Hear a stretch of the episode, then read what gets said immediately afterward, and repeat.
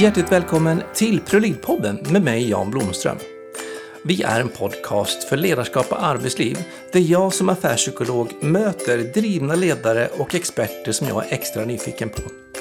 Och eh, ProLead-podden, ja, det är en del inom Prolid Academy som är ett kunskapscenter där du utöver podden också finner kurser, tjänster, pulser, webbinarier och böcker inom just ledarskap och arbetsliv. Och eh, på prolid.se så finner du all information samlat. Men tillbaka till podden.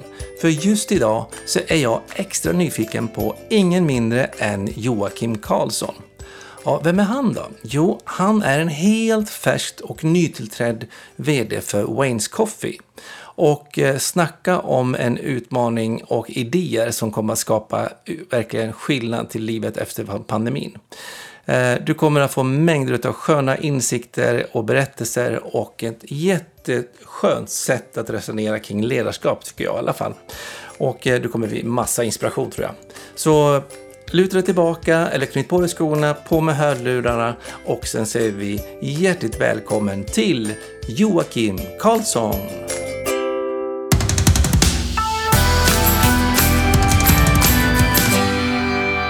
Hjärtligt välkommen till ProLid-podden säger jag till Joakim Karlsson. Tack så mycket. Jättekul tycker jag att du kunde komma och vara med. Eh, du har ju ett, bak, eh, ett förflutet ifrån Sibylla senast. Eh, och sen alldeles nyligen så har du klivit på, på Waynes Coffee som VD. Ja, jag har, nu har jag jobbat två veckor som VD på Waynes Coffee och Före det så har jag varit eh, ungefär nio år på Sibylla som VD. Eh, före det var jag tio år som franchisetagare på Sibylla så att jag har eh, så att säga, jobbat eh, i franchisekedja från golv till tak kan man säga. Ja, så du kan din korv ja, och nu håller du på att kunna din kaffe? Ja, jag var faktiskt på baristautbildning här för, förra veckan för att lära mig göra en cappuccino. Så det är viktigt att kunna faktiskt härlig familj, härligt för din familj att få liksom exponeras av all träning då. Ja, vi, faktiskt nu alldeles nyss pratade vi om att vi måste ju skaffa en riktig kaffemaskin hem så jag, kan, så jag kan göra cappuccino på riktigt. Ja, men precis. Ja, jag har en kollega som har någon italiensk specialimport. Bautamaskin för hur mycket pengar som helst. Det verkar inte finnas några begränsningar på det där. Nej, det är många som är frälsta i det här med barista och det, det är en konstart på något sätt. Nej, det är intressant att komma in i den världen faktiskt. Ja, vad härligt. Eh, det är ju, vi spelar in det här i mitten av mars, så att du klev på första mars, misstänker jag då? 15 faktiskt. 15 mars. 15 mars. Så, 15 mars, vad har vi idag? 28? Ja, men gud, det är slutet av mars nu. Ja, ja, tiden går fort. Tiden går fort. Eh, men i alla fall, våren 2021 är din eh, barista-start, kan man väl säga då. Ja, precis. Eh, men jag är lite nyfiken. Liksom, vad, vad, det är ju som så att eh, restaurang och kafébranschen har ju kanske inte varit den branschen som har haft det enklast under pandemin, om man säger så. Eh, så att det har väl säkert även Waynes Coffee haft. Så vad var det som fick dig att liksom bli lite sugen på att tacka ja till ett jobb och den utmaningen som det innebär med att kliva in på Waynes Coffee? Men vi har haft en, eh, en dialog eh, faktiskt ganska länge sedan förra sommaren eh, där Mats, som var VD nu fram till, lämnar över till mig nu, var, berättade att han skulle sluta och sen har vi haft en dialog ganska länge och det som lockar mig med Wayne är att jag, jag gillar verkligen konceptet ur, ur ett franchiseperspektiv. Man riktar sig till en målgrupp franchisetagare som skaffar ett café och det är en livsnäring för sig själv och eh, kanske för hela sin familj. Mm. Eh, sen ser jag också en dimension i Waynes som, som inte jag hade tidigare det är den internationella delen. Eh, det finns i nio länder totalt idag. Så det, är det som också lockar att det ger mig ytterligare en dimension i mitt, mitt arbete. Jag får lära mig någonting. Ja. Det blir ett, du får helt enkelt kliva upp ytterligare nivå. Ja, men det är så. Jag har väl hållit på och tittat liksom, eh, antingen om jag ska in i, in i, vill söka mig till en helt annan bransch eh, eller någonting för att bredda min, min liksom kunskap. Nu blev det en väldigt liknande bransch och upplägg som jag är van med, men med en ytterligare dimension. Hur mycket har du med de övriga länderna att göra? ganska mycket. Nu, nu har ju vi anställt en, en utlandsansvarig för expansion. Mm. Så Pelle som är ute, han är ju, ska ju vara den första kontakten med, med de länderna så att säga. Så vi har Monster Franchise. Eh, men däremot så kommer jag som VD vara väldigt engagerad och inblandad i, i när vi ska in i nya länder eller om det är länder som vill eh, utöka större frågor som de vill ha hjälp med. Mm. Ja, härligt. Eh, då har du ju verkligen en, en litet annat approach, tänker jag, på, på, mot, mot tidigare. Men, men då, då tänker jag så här, du kliver på Wayne's Coffee, du får till det här lite grann eh, internationella. Det är en franchisekedja som har ett spännande koncept.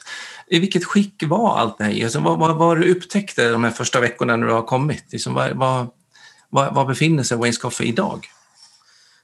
Jag upplever att man befinner sig i, i startgroparna det, jag, jag skulle, man kan säga just startgrop, för det, det, är ju i en liten grop eh, för att vi, vi har varit i den här pandemin nu ett år, mm. vilket har gjort att det, det har satt hela franchise-systemet i, i en, en, gungning och det är otroligt tufft för, för väldigt många.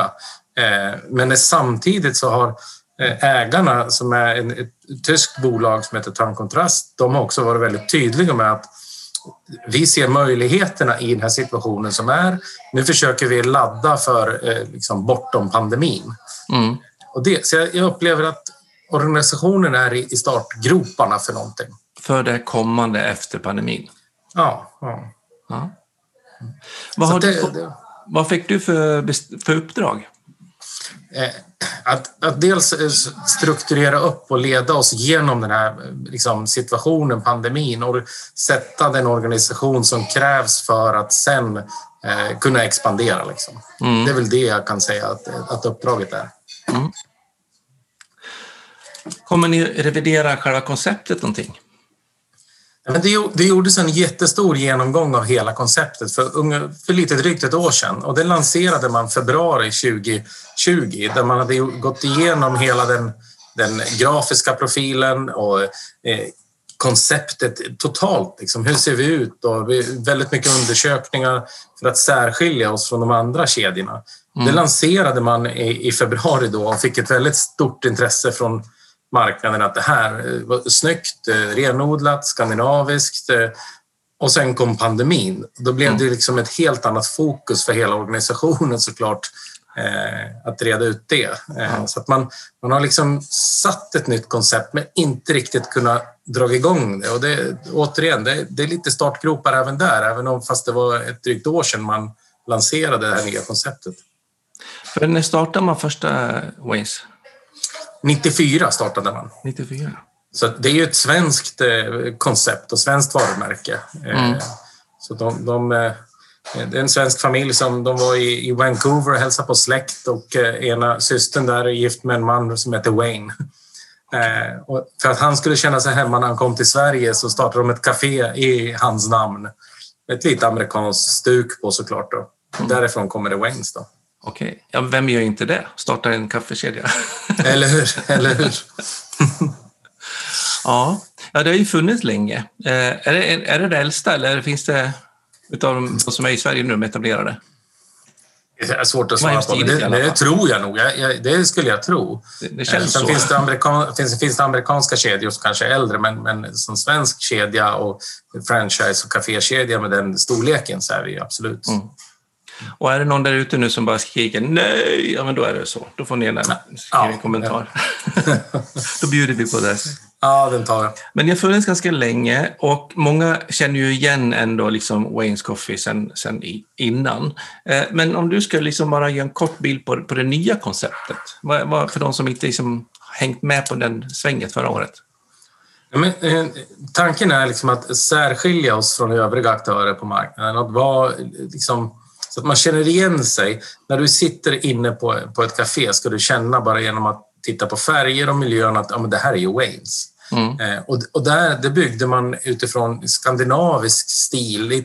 Allting är lite ljusare. Det är lite ljusare, jag skulle säga fräschare, men, men ljusare och eh, lite renare med ljusträ. Eh, och det är väl det som är liksom rent och ljust skandinaviskt. Mm det skulle jag säga är kännetecknen för, för det nya konceptet. Ja. Och då tänker jag, är det bara franchiseföretagare som, som driver kaféerna eller finns det också någon som ägs av kedjan själv? Ja, och, och, så har det alltid varit. Man började ju liksom med ett café på Kungsgatan i, i Stockholm som man ägde själv och sen började man ha franchisetagare runt om i landet och runt om i Stockholm. Så man har alltid haft café och nu, nu som det har blivit den här situationen, då har vi just nu åtta kaféer vi driver själva. Eh, där vi har tagit över några kaféer som, med franchisetagare som inte har klarat sig under pandemin. Här. Och istället för att då stänga dem och invänta eh, stöd eller invänta pandemin att den ska gå över, då har vi tagit över dem och driver dem centralt. så att vi har åtta stycken nu. Mm. Eh, men det, det, är inget självändamål. Vi, på sikt så ska vi se till att vi, vi driver dem nu för att de ska överleva och behålla sin marknadsplats på den orten. Sen vill vi sälja dem till nya franchisetagare som tar över dem och kan driva dem vidare. Ja. Hur många kaféer är det totalt i kedjan eh, i Sverige? Ja, I Sverige är det nästan 80, 78 mm. stycken. Mm. Okej. Okay. Ja, det är ett gäng. Ja, det, det, det, är, det är ganska många faktiskt. Det, så är det. Vilket skick var det? Du sa att några av mig inte kanske orkat med nu under pandemin.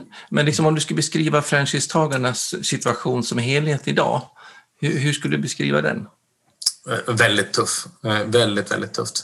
Jag har varit ute i, i veckan nu har varit ute och besökt ett tiotal kaféer runt om, runt om i Sverige och det, det är en jättetuff situation och det är ju en hel del kaféer som ligger inne i små gallerior och så där gallerierna nu fick utökade restriktioner att man bara får sitta en person per bord ja. och så vidare. Så det är en otroligt tuff situation. Men, men det är också flera av dem tycker jag upplever är ganska positiva. Det, det är också en styrka i en franchisekedja. En franchisekedja drivs av enskilda företagare som många av dem de äger och driver ett café. Mm. I en sån här situation, då har man ju styrkan som egen företagare och entreprenör att, att jobba själv väldigt mycket. Och jag skulle inte säga att det är ett självändamål att man ska jobba 12 timmar om dagen och sex dagar i veckan eller så. Det, så vill vi inte att det ska vara. Men i en sån här extrem situation så är det, det är liksom räddningen för många. Och, mm. och då kan man faktiskt minimera kostnader för personal och, och, så vidare, vilket gör att det, det, är, det går ihop ändå. Mm. Trots att man tappar ganska mycket omsättning så kan man minimera kostnader. Personalkostnaderna är ofta en av de absolut största kostnaderna. Det är råvarukostnader och personalkostnader som är de två stora kostnaderna. Och råvarukostnaden följer i procentuell procent mot omsättningen. Men personalkostnaden kan ju sticka iväg om man inte kan eh, parera. Nej, att, eh, den... skick, skicket på kedjan är, eh, det är tufft men samtidigt finns det hopp och möjligheter tycker jag. Kämpar de liksom för att överleva en och en eller hur mycket stöd får man, söker man och får man ifrån varandra? man får ju, det är ju fördelen att vara med i en kedja. Att man kan ju få stöd från organisationen centralt, man kan prata med kollegor, man, får, man, man har ju en känsla av tillhörighet. Sen, sen kan ju, jag vet att under förra året så drog vi ner på avgifter under vissa perioder så att de slapp betala avgift. Vi kan hjälpa till att förhandla eh, hyror. Eh, mm. Vi kan hjälpa till att söka de här omställningsstöd och korttidspermitterade. har vi har vi en ekonomiavdelning centralt som hjälper franchisetagarna att sammanställa och eh, se till att följa de nya regler som kommer och sånt. Och som egenföretagare, om man står där i bakom disken i sitt café 10-12 timmar om dagen och sen i nästa stund så ska man vara expert på hur man söker stöd för korttidspermitteringar. Otroligt svårt. Mm. Eh, och där är ju en jättestor styrka av att vara en kedja. Att kedjan centralt då kan ha en resurs som hjälper många. Mm. Det gör vi. Har ni liksom rustat upp ert centrala stöd vad mycket frågor du får om det här nu när du har jobbat i 14 dagar. Du ja, jag, protestera om jag... nej, de är ganska pålästa och insatt i det. Så att, jo, man, man gjorde ju en, Förra våren när pandemin kom och slog till här, då centralt i hela, på hela huvudkontoret så ställde man om eh, hela verksamheten. Man gick ner i bemanning, man minimerade kostnader även centralt. Ja. Tyvärr ett antal medarbetare som fick lämna. Eh, man var tvungen att rätta mun efter matsäcken. Mm. Eh, ställde också om då att all sån här, om man säger, utveckling, strategiskt arbete framåt och, och sånt fick fokusera på att hjälpa franchisetagarna. Mm. Så att man har ställt om och fokuserat på att hjälpa befintliga franchisetagare. Expansionstakten drogs ner, man, man stoppade nya marknader eh, och la allt fokus på att hjälpa befintliga att, eh, att klara sig och se vilket stöd de behöver. Mm. Om vi ser på själva läget och skicket hos medarbetarna, vilket, eh, hur mår medarbetarna idag? Då? Det är också en blandning. Det är klart att det, det har varit tufft för många, men jag känner ju jag känner, nu tänker jag medarbetarna på huvudkontoret framför allt, som de jag, har, de jag träffar varje dag. Ja. Eh, att där finns det också ett, ett liksom, man ser framåt idag. Eh, jag vet att det var otroligt tufft under förra året, men jag kan säga att min, min första tid, jag ägnar nu väldigt mycket tid åt så kallade one-to-one-samtal med medarbetarna. Där, där fokuserar jag på människorna, på personen, inte på vad deras arbetsuppgifter är. Nej. Eh, jag vill veta vilka de är, hur de mår och vad som får dem att trivas och, och så vidare. Och jag upplever att det, man, man, har, man är som sagt i startgroparna. Det finns hopp. Samtidigt är det såklart eh, finns det en oro för eh, hur, tänk om det här blir ett år till. Mm. Hur gör vi då? Liksom? Nu har vi någonstans Ja, men man, man är lite slitna, det är man. Men ändå, ändå upplever jag att man, det finns en bra balans. Men det är jätteviktigt för mig som ledare att prata med medarbetarna om hur de mår. Inte mm. bara sätta nu eh, numerära mål på hur vi ska sälja eller vad, vilka öppningar vi ska göra eller vilken effekt en kampanj. Utan det blir en, jag tror vi som ledare med, med ganska mycket ansvar idag måste fokusera på människorna. Mm. Eh, för det är som du säger, mår man om inte de mår bra, då, då, spelar det ingen roll hur bra koncept vi har eller hur snygga inredningar vi kan, vi kan leverera. Nej. Nej, för jag, och det som jag tycker är lite spännande, som jag ser mycket när jag är ute och konsultar, så är det liksom att det som man verkar tvingas att göra nu, precis som du är inne på, att vi verkligen behöver prata hur mår vi, hur, hur, var befinner vi oss och vilket skick är vi? Liksom. Det är ju någonting som forskning visar att det är det som skapar framgång även när det inte är pandemi. Så att jag hoppas ju att det där kommer att bli kvar för att stanna och att vi kanske faktiskt hittar en bättre balans mellan nyckeltal och siffror och säljsiffror kanske och hur vi faktiskt mår. Eh, jag har skrivit en bok som heter eh, Chefen som personlig tränare som mm. går ut mycket på, på liksom hur ska vi få folk att må bra och prestera. Och då måste ju du och jag titta varandra i ögonen och verkligen kolla, är vi här av samma anledning? Har vi samma ambition? Vill vi det här? Är vi beredda att skratta tillsammans? Är vi beredda att gråta tillsammans? Är vi beredda att svettas tillsammans? Kavla upp ärmarna och kötta på och gör det jobbet som krävs.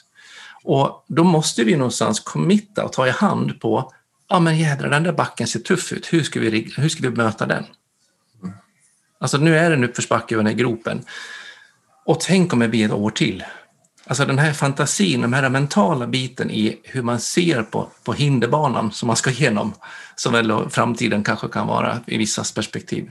Eller att man tror att Åh, nu är det nedför slut, nu kommer det bli skitbra. Vi måste någonstans verkligen prata om de där sakerna.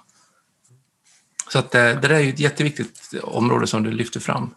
Ja, jag, jag kan bara hålla med. För det, det är väl så jag försöker jobba och som ledare jag försöker vara. Och, och att eh, se människorna. Eh, jag vet att nyckeln till framgång handlar om tillit och förtroende för varandra. Och ska man ha det, då, då, måste man känna varandra och ha förståelse för varandra. Och varför agerar du som du gör i vissa situationer? Jo, men jag vet ju om din bakgrund, din uppväxt. Jag vet hur ditt förhållande, din familjesituation ser ut. Och då kan jag respektera, jag kan förhålla mig till det. Och, och du vet att jag vet och då, då har vi förtroende för varandra. Ja. Så att, ja, det är liksom mina första två veckor här nu har jag hunnit suttit med hälften av personalen och när man får, man får reda på att eh, en av, en av medarbetarna kom till Sverige som treåring och som 29-åring åkte tillbaks till Nicaragua för att se sin uppväxt och hon flydde från när hon var liten. Eh, eller, eller en medarbetare som har vuxit upp på fabriksgolvet i USA med sin pappa för han, han var där och, och, och sålde in sin produkt i USA och så vidare. Så bara den kunskapen ger mig en helt annan bild av medarbetarna mm. och, och, som gör att jag kan leda eh, ur mänskligt perspektiv och, det, och, jag, tror att det är, jag tror att det är otroligt viktigt. Och, mm. och se människorna och det är där vi bygger förtroende och tillit och det är då vi får resultat på de hårda eh, vägarna också. Liksom. Hur mycket, får, hur mycket får din personal se av hur din verkstadsgolv har sett ut då, motsvarande? Ja, men jag, jag, jag, berättar, jag är väldigt öppen så berättar min, brukar börja alltid med min, när jag träffar nya att jag, jag, växte upp som min pappa köpte en korvkiosk när jag var fyra år och jag började jobba där första sommarjobbet när jag var elva för jag åkte till England på språkresa mellan femte och sjätte klass. Mm. Eh, och när jag får berätta om min uppväxt och hur, hur fritt jag har vuxit upp och gjort olika saker så tror jag att de förstår varför mitt ledarskap också är ganska så fritt och jag ser möjligheter och jag säger ja, vad är det värsta som kan hända? Vi provar väl. Ja. Eh, och, och då tror jag att de, då får de också förståelse för varför jag är som jag är. Det är jätteviktigt att jag blottar mig och, och berättar. Eh, mm. Så är det. Och det där för mig blir ju exa, ett precis exempel på, på hur man är som i träning, på gym eller ute i en skidspår eller vad man nu är i för idrott man ska träna i. Att eh, man, man är, ibland har även den starkaste tränaren en dålig dag eller man har i alla fall en förklaring till varför man gör som man gör. Och då blir vi ens prestigelösa och det blir ens avklätt. Så att bildligt mässigt så ska vi, liksom kunna, vi ska kunna vara i samma omklädningsrum. Eh, ja, och ja. Utan att vi kan, vi kan liksom inte fun, det funkar inte att säga att vi, ja, men jag är din chef eller jag, jag har status eller jag har gjort karriär eller någonting annat att, att flåda med. Det kan fylla funktion i vissa sammanhang, men ska vi liksom mötas, då måste vi veta att innanför det där så connectar du och jag. Ja, ja men så är det. Så är dramatiskt och ja. hemskt det är hemskt prestigelöst. Ja, ja, så är det. Det är absolut. Ja, det är en utmaning och eh, jag tänker ni som lyssnar också har säkert märkt att eh, typ, man måste verkligen prata med personerna, framförallt i en sån här lite extremare utdraget trauma, vilket ju faktiskt pandemin är. Det är en krissituation som sväller och sväller och skapar stora traumatiska upplevelser, både personliga förluster och rädslor, men också karriär kanske och, och begränsningar i, i det ena och det andra och, och dödsfall. Liksom. Eh, det berör folk. Och, ja, det är viktigt att mötas. Ja, men absolut. Jag, när jag kom in som ledare på den här nivån och en ganska stor organisation och så vidare, det eh, förväntas sätta strategier och eh, processer och styra och så vidare. Men det är klart att jag måste vara delaktig i det också och hjälpa organisationen att veta vem som gör vad och var går gränsen och eh, sätta befattningsbeskrivningar. Men i min, jag, jag liksom ser att det, handlar nästan mer om att eh, människorna, människorna, människorna, människorna och, och se till att alla eh, mår bra, eh, syns och hörs. Och, och ja, det, det, det, är det här med att vi måste fysiskt må bra och vi måste socialt må bra. Eh, Vad tänker, jag, jag tror mycket på det. Vad tänker du gränsen går från att gå runt och vara mysfarbror som går runt och ser till att folk mår gott och har det trivsamt mm. och att faktiskt sätta krav på att den där expansionsplanen ska vi hålla? Ja, men eh, var sak och sin tid lite grann. Eh, jag tror att det gäller att tydliggöra att nu har vi ett möte som handlar om ett ledningsmöte som handlar om att följa upp satta mål och var ligger vi till och så. Mm. Och, där, och där, i det rummet där och då eh, måste man ju då ta den rollen man har som VD mm. och följa upp, sätta krav och så vidare. Sen så liksom runt, runt fikabordet eller när vi småpratar vid ett samtal och så, så så kan man, måste man skilja på lite grann. Eh, så att, eh, men, men det gäller ju också, jag måste ju också vara tydlig. Det är väl min, jag som ledare, en av mina utmaningar som jag har att veta om att jag, jag liksom vill all, få alla engagerade, jag vill att alla ska vara med, jag vill att alla ska få säga och lyssna, vilket gör att jag kanske ibland blir lite otydlig. Jag, mm. jag behöver träna på att eh, peka med hela handen mm. och säga ja, nu, har, nu har alla fått tycka. Men nu innebär det att vi kommer att göra så här. Det blir alternativ B. Punkt. Ja, precis, och sen sätta punkt där också. ja, ja, ja, men lite så. Va? Det är inte om och men och kanske, utan och det, det är väl ja, det är någonting som jag vet att jag behöver, eh, behöver mm. jobba med och, eh, och det vet jag om eh, att jag måste bli tydlig och då kan man följa upp det också. Mm. För jag tänker också att, eh, att är man hemskt eh, fokuserad på de mjuka frågorna så, är också min erfarenhet att man kan ha svårt med det andra, sätta ner foten och stå, lite, det tar lite för lång tid att sätta ner foten och när man väl sätter ner foten så, så är den ändå lite uppe till förhandling. Um, och det där är ju många gånger att man behöver träna på, men det är också jätte, jätteviktigt att man verkligen har koll på det. Jag brukar jämföra med medalj, en fram och baksida på medalj. Vi kan ha en liten egenskap, alltså en liten framsida, liten förmåga att lyssna på hur folk och bry mig hur folk mår. Då har jag ganska liten nackdel av det också. Men om jag har en stor egenskap av det, alltså en stor medalj med jättemycket inlyssnande förmåga och fokus, då är ju också skuggsidan lika stor. Och baksidan är någonting som kanske är den viktigaste ledarutvecklingsområdet, tycker jag. Att man behöver verkligen inventera vad finns det för nackdelar med mitt sätt att vara och vad blir konsekvenserna och hur kompenserar jag det? Precis som du säger, man blir medveten om och kan göra medvetna val som inte kommer så naturligt. Men jag gör det därför att funktionen eller mitt uppdrag kräver det.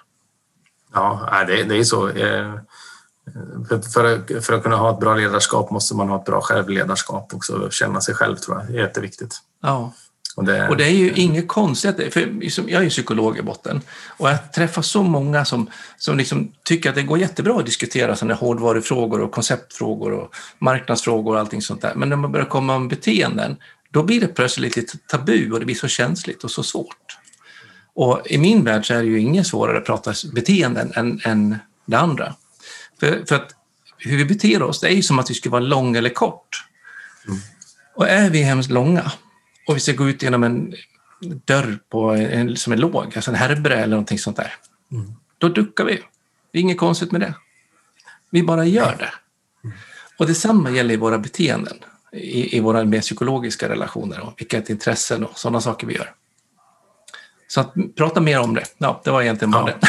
ja, men det, jag, jag, jag håller med. Det, jag har tagit eh, no, no, tidigare, med, med tidigare jobb har jag tagit hjälp eh, av någon extern part som har kommit in och jobbat med min grupp, hela organisationen eller med ledningsgruppen just om, om, att, eh, om de här frågorna. Liksom, att vi måste ha respekt för varandra och förstå att trots, även om vi är olika så vill vi mot samma mål och vi måste respektera varandras olikheter också. Även fast vi är, som du säger, väldigt långa eller väldigt korta måste vi kunna jobba ihop eh, mot, tillsammans. Mm. Eh, det, det, vi är som vi är. Ja, det är lite så. Och, och, när man då får reda på någons bakgrund och uppväxt så kanske man förstår att någon, vissa är otroligt rädda för att göra fel och de är så rädda att ta beslut och de är livrädda att göra fel för att någon, okej, okay, nu blev det fel, vems fel var det? Ja, man kanske har haft en uppväxt där man också blev väldigt, väldigt straffad om man gjorde minsta fel. Ja. Och bevisligen och, kanske familjemedlemmar ja. som har blivit, fått, blivit avrättade. Ja, exakt. Hade jag det, här för inte så länge sedan som hade. Och det, då, då kan man inte bara säga, ja men vad är du lite överkänslig? Utan då är det ju på mm. riktigt. Mm. Att vara det, och det, och det, jag har ju ett perspektiv i mitt, eh, mitt jobb som, som är integration. Mm. Eh, det, jag också hade tidigare med Sibylla, där vi liksom hade 14 nationaliteter eh, utav franchisetagare i Sverige. Eh, och man kommer från, från en uppväxt som vi, vi så att säga uppvuxna svenskar som heter Karlsson i efternamn inte ens kan tänka oss och förstå vilken uppväxt de har haft. Nej. Och vilka konsekvenser olika saker har. Nej, kommer man ha flytt från en diktatur där, all, där liksom diktaturen bestämde allt och så kommer man in och så hamnar man i en kedja och så kommer det någon, någon VD och talar om att nu bestämmer jag över er att ni måste ha vita t-shirts på er när ni jobbar. Då kanske de tycker det är otroligt jobbigt för det det är liksom en, de flydde från den där diktaturen för de inte vill ha någon som bestämmer över dem. Och så, mm.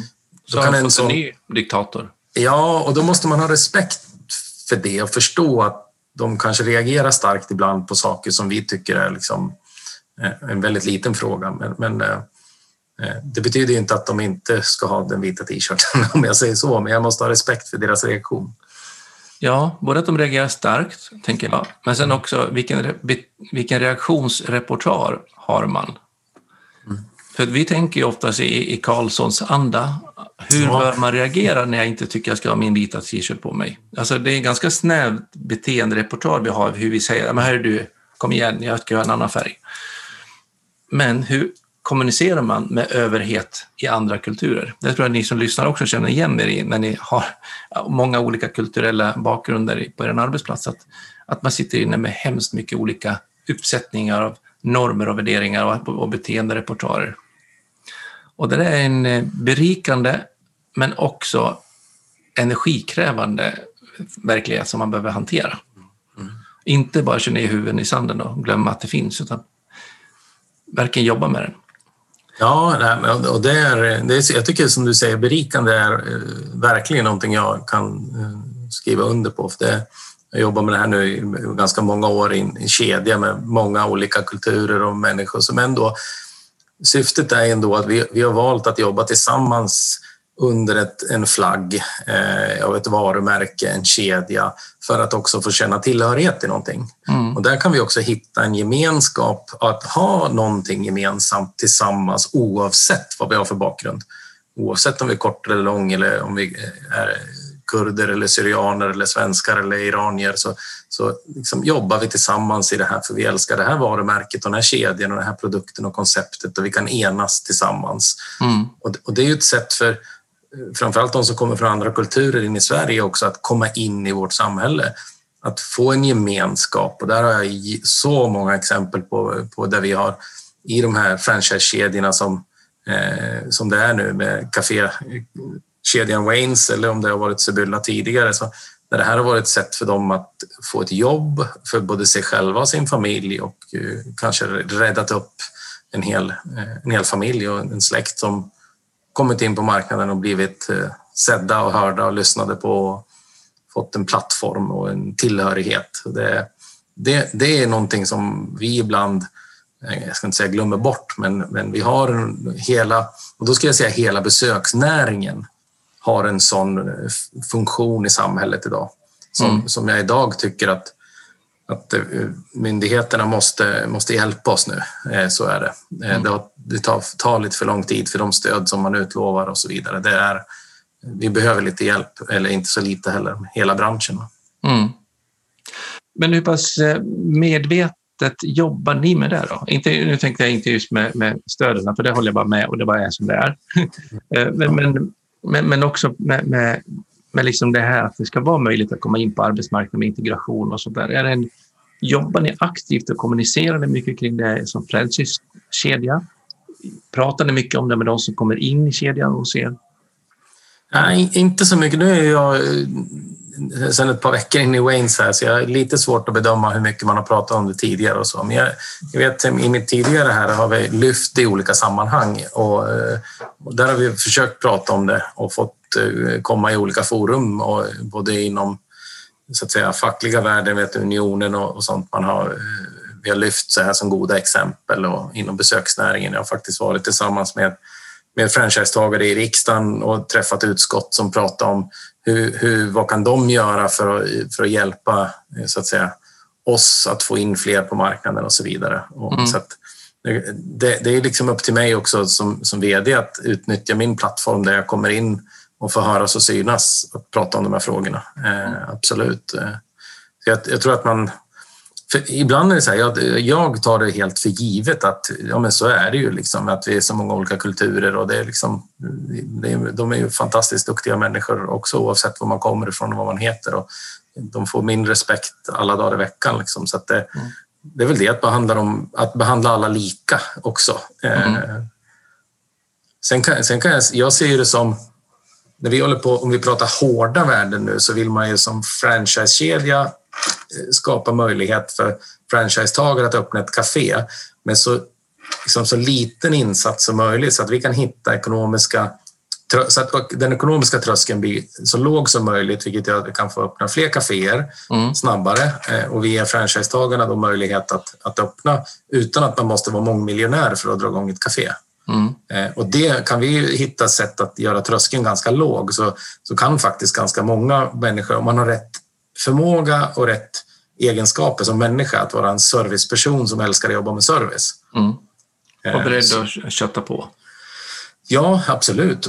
Att man som företagare, jag själv som sagt var uppvuxen i det här som eh, företagarfamilj, men sen var jag franchisetagare själv i tio år, så jag vet precis vad det handlar om. Mm. Man jobbar liksom, man är uppe med jobbet 24-7 eh, mm. på ett eller annat sätt. Så är det, men det väljer man ju, mm. att vara företagare. Hade jag inte tyckt om det livet har jag ju inte sökt mig till det. Eh, men de som söker sig till det livet, att vara företagare och sånt där, där vill vi hitta kan vi ha en hyfsat låg ekonomisk tröskel, då kan vi hitta lättare att hitta rätt människor som passar i ett serviceyrke.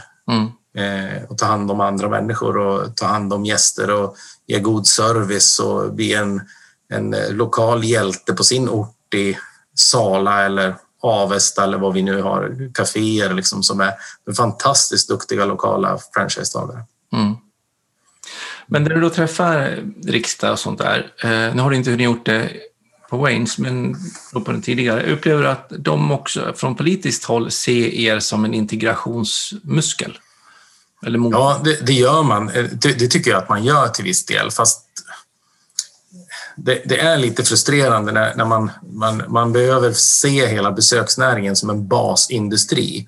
Eh, om, jag eh, kan ta en liknelse att man, om, när eh, Volvo säger nu ska vi öppna en ny fabrik här, i, ja, då, då, är samhället beredd att bygga, bygga en ny motorväg liksom, till mm. fabriken.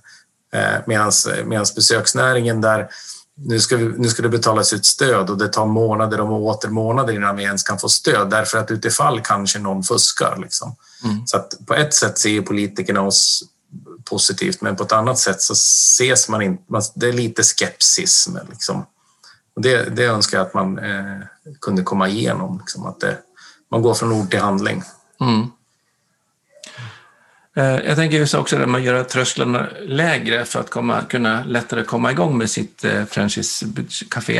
Eh, är det någonting som ni har aktivt fått stöd till att kunna, liksom, nu gör vi en satsning här så att man lättare får igång? Eller hur resonerar man kring sådana typer av insatser från, från nationell nivå?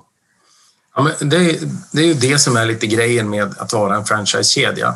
Att man kan, de synergier vi kan skapa genom att, att eh, att driva 80 kaféer i Sverige gör ju, ger oss en bra förhandlingssituation när vi går till en leverantör av inredning eller när vi ska förhandla en lokal för att hyra eh, ett café eh, och förhandla inköpspriser och så vidare. Och det är där den stora styrkan ska finnas, att vara en kedja. Att det finns resurser centralt som ursäkta, inte gör något annat än, än så att säga förhandla priser på inredning eller mm. på kaffe eller mm. bullar och experter på det, vilket gör att eh, en, någon som vill öppna ett café ska kunna fokusera helt och hållet på att sälja. Mm. Men det är inte att man får några liksom så här, typ finansieringslösningar som, ja, som men är på, absolut. på riksnivå liksom på något ja. sätt? Ja, men då kan vi, för att få konkret, vi, vi, kan, vi, vi har en inredning som kostar x antal kronor. Då kan vi centralt förhandla ett leasingavtal med en bank eh, där vi centralt kan gå in som borgenär för den leasingen, mm. vilket gör att den nya franchisetagaren kan gå in med en ganska låg insats eh, som första förhöjd hyra. Ja. Där också vi som franchisekedja tar en risk och ett borgensåtagande mot banken som lånar ut pengar för leasingen. Mm det är ju väldigt konkret vad, vad man som kedja kan göra. Som, till skillnad mot om du skulle vara helt ensam och öppna ett café som heter Jannes Café. Då får man till banken. Hyllorna själv och stolen. Ja, men då kommer de bara att titta på din privatekonomi. Vad har du för säkerhet? Liksom. Mm. Eh, och när de tittar på en, en franchisetagare som ska öppna en Wayne så tittar de på vad har moderbolaget för säkerhet? Då kan vi säga att ja, vi har 25 års bakgrund att driva café. Vi har byggt upp en, en, liksom en bra, solid eh, verksamhet eh, centralt som kan ställa upp som säkerhet för, de här, för den här inredningen. Och det är klart att vi kan då utnyttja det till att förhandla ner en lägre ränta, lägre inköpspriser eh, och så vidare. Men Näringslivsdepartementet har ingen sån central nationell Nej. lösning?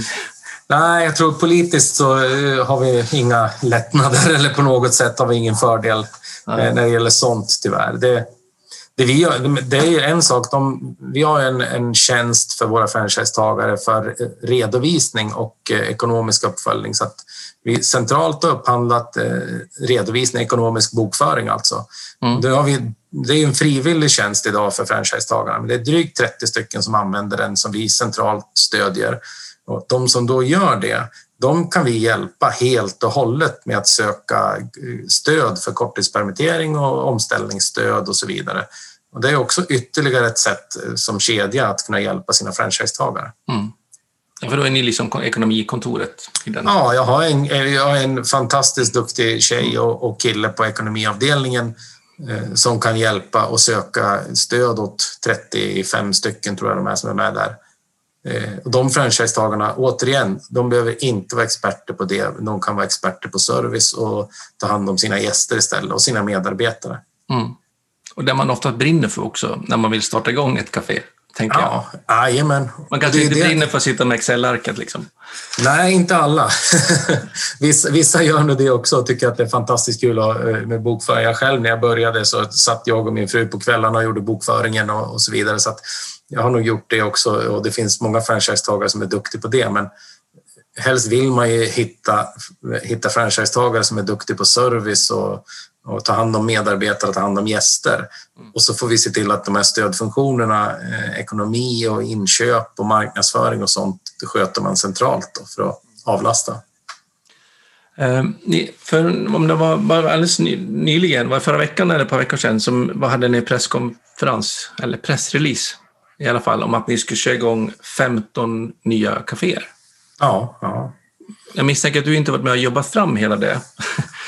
Eh, men kan du bara berätta lite kort, vad, vad är det för satsning? För det verkligen att gasa mitt i uppförsbacken. Upp i gropen. Ja, men, ja nej, men vi har satt ett mål att vi ska, vi ska öppna eh, faktiskt 33 kaféer i år eh, i worldwide. Eh, då har vi framförallt Saudiarabien och Vietnam där vi är ganska starka som ska öppna många kaféer. Men även i Sverige så har vi 15 stycken.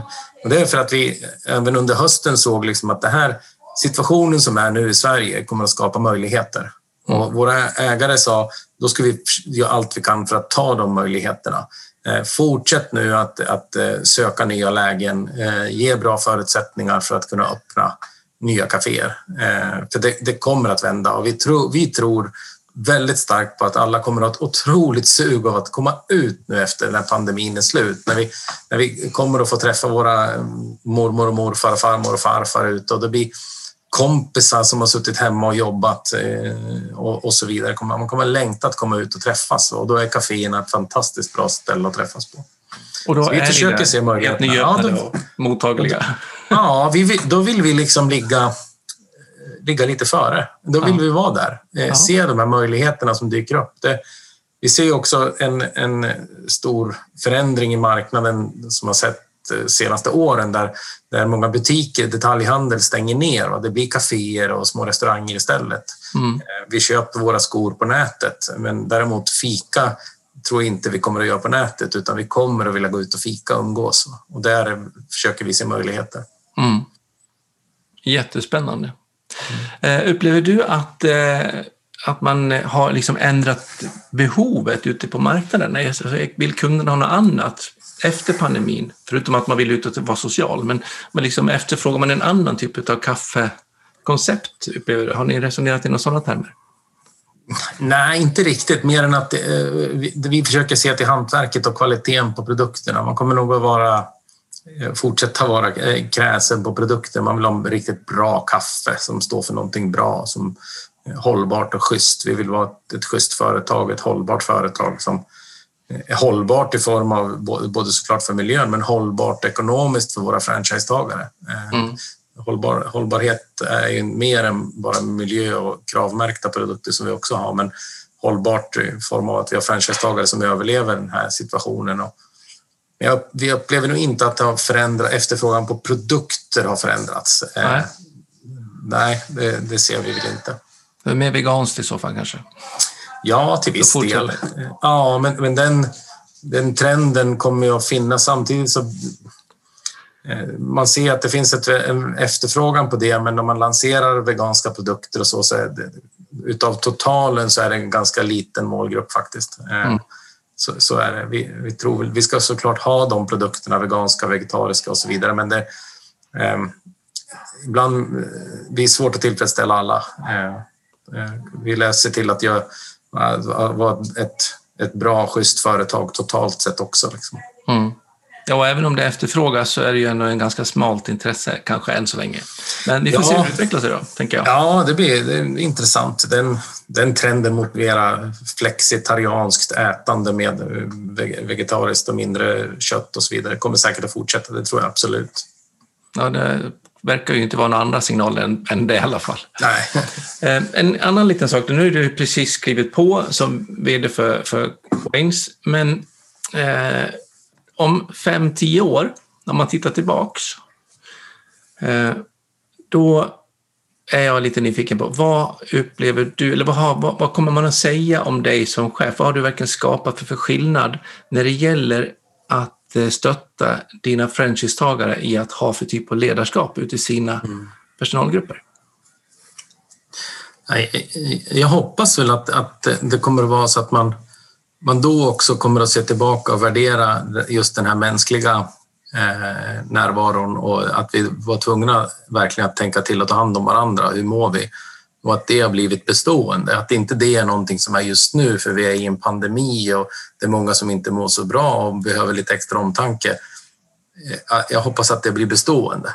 Mm. Eh, eh, det är väl spontant så här vad jag, vad jag hoppas. Sen hoppas jag väl att också att vi, vi har lärt oss nya sätt att, att träffas och kommunicera och umgås. Den digitala Eh, världen har ju exploderat för oss med möjligheter, eh, vilket gör att vi också ur ett hållbart perspektiv, jag kanske inte måste åka till Vietnam till våra franchisetagare där flera gånger om året, utan vi kan mötas digitalt, vilket gör att vi, vi flyger mindre och vi förbrukar mindre av jordens resurser i och med det här. Eh, mm. Så jag tror att det är väl det jag hoppas, att vi har lärt oss kanske jobb, arbeta mer hållbart utifrån vårt, vårt footprint så att säga när det gäller miljön. Mm. Reser mindre plus att vi kanske har lärt oss eh, att värdera varandra som människor mer och lite mer omtanke och inte bara hard facts och, och så vidare. Det, det kanske ja, det, det skulle kännas bra. Om det, det är det du kommer att vara känd för kanske? ja. jag, sa, jag sa, jag blev intervjuad av Visita, vår branschorganisations tidning Besöksliv. Jag sa om fem år, då hoppas jag stå på Manhattan och inviga vårt 400 café. Eh, så jag har väl lite hårda mål också kanske. Att jag vill ja. Eh, att vi ska expandera till nya marknader och se möjligheter att skapa arbete för fler. Liksom. Kanske hårda mål, men ändå lite modesta. Det är ändå ja. bara 400. Ja, bara 400. Ja. ja, det beror på vem man frågar kan jag säga. I, eh, om det är mycket eller lite. ja, jag önskar dig all lycka till. Det ska bli så spännande att följa med er och dig på er resa. Ja, tack så jättemycket. Tusen tack att du kom och om man vill prata mer med dig eller komma i kontakt med dig och få höra liksom mer hur du resonerar, vad, vad får man ta på dig någonstans? Ja, Joakim Karlsson på LinkedIn eh, är ett bra sätt. Eh, eller på Waynes hemsida, waynes.com. Och där finns kontaktuppgifter också. Ja. Joakim.karlsson at waynescoffee.com. Så mejlar man säger att jag vill starta café. Ja, gör det. Eller någonting Gärna. annat. Gärna, eller någonting annat. Jag, jag brukar vara, försöka vara duktig på att svara på, i alla kanaler som dyker upp. Så att låter bra det. Jättetack för ikväll och eh, ha en fortsatt bra kväll på dig. Eh, stort tack Jan. Bra, tack. Hej. Tack. Om du gillar avsnittet, ge då tummen upp och följ oss så blir vi jätteglada. Och passa även på att följa oss på LinkedIn, Instagram och Facebook. Både när det gäller ProLead och mig själv Jan Blomström, ja, så lär vi ju faktiskt känna varandra ännu lite bättre. Ta hand om dig så hörs vi vid vårt nästa avsnitt.